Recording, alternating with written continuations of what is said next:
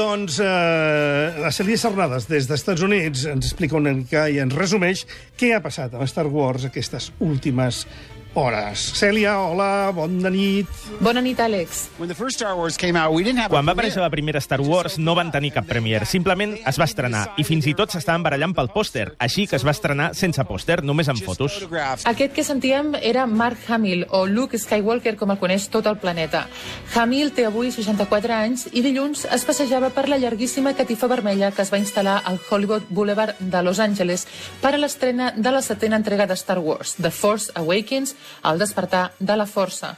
Una premier tenyida de la nostàlgia d'aquella primera Star Wars de l'any 1977, un producte de les ments de Steven Spielberg i George Lucas, que va ser l'inici d'aquesta saga multimilionària. I 38 anys després genera tanta expectativa que impressiona, segons admetia també a la catifa vermella de Los Angeles, una estrella ja veteraníssima, Harrison Ford. Als 70, ningú no podia anticipar-se, ningú no havia vist mai res com allò. Ara hem d'estar a l'alçada del que van oferir aquelles primeres pel·lícules. Nothing will stand in our way. I will finish what you started. L'estrena de la setena entrega de Star Wars ha estat una operació de màrqueting de proporcions descomunals. Dilluns a Los Angeles la premier. Les crítiques sobre la pel·lícula van estar vetades fins dimecres. Els que ja l'havien vist s'havien de conformar tuitejant impressions sense revelar-ne contingut. I els tuits en general eren entusiastes. Per exemple, la creadora de sèries com Scandal o Anatomia de Grey, Shonda Rhimes, va lluar l'aire de vella escola que desprèn la pel·lícula.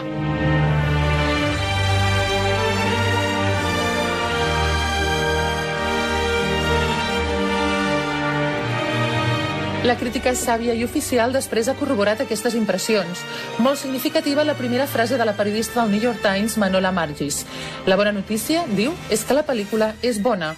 Molt millor diu atenció que les tres preqüeles i destaca que, lluny de la típica bomba comercial, l'última de Star Wars té ànima, personatges imperfectes i bons actors.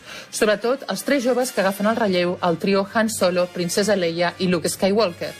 El Washington Post també destaca l'equilibri que s'ha aconseguit entre la nostàlgia i la novetat i conclou que la pel·lícula és molt més poderosa del que podíem imaginar.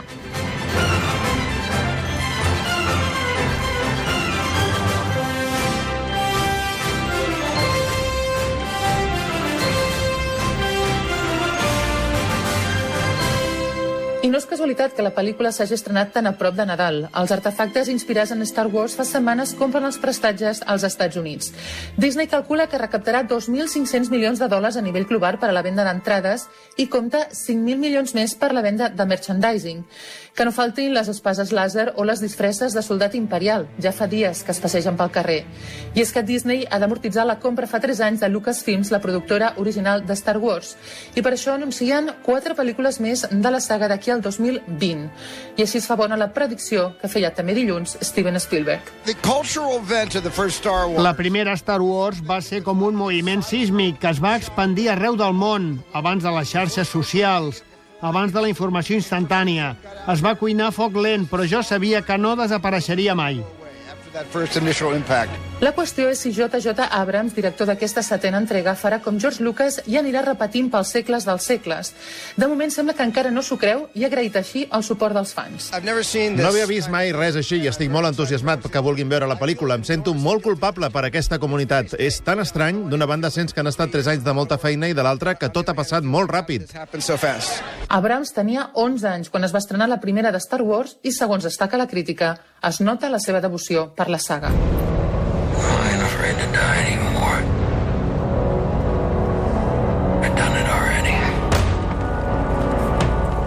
que l'estrena de Star Wars no ens faci oblidar un altre superèxit que s'acosta, The Revenant, l'última del director Alejandro González Iñárritu.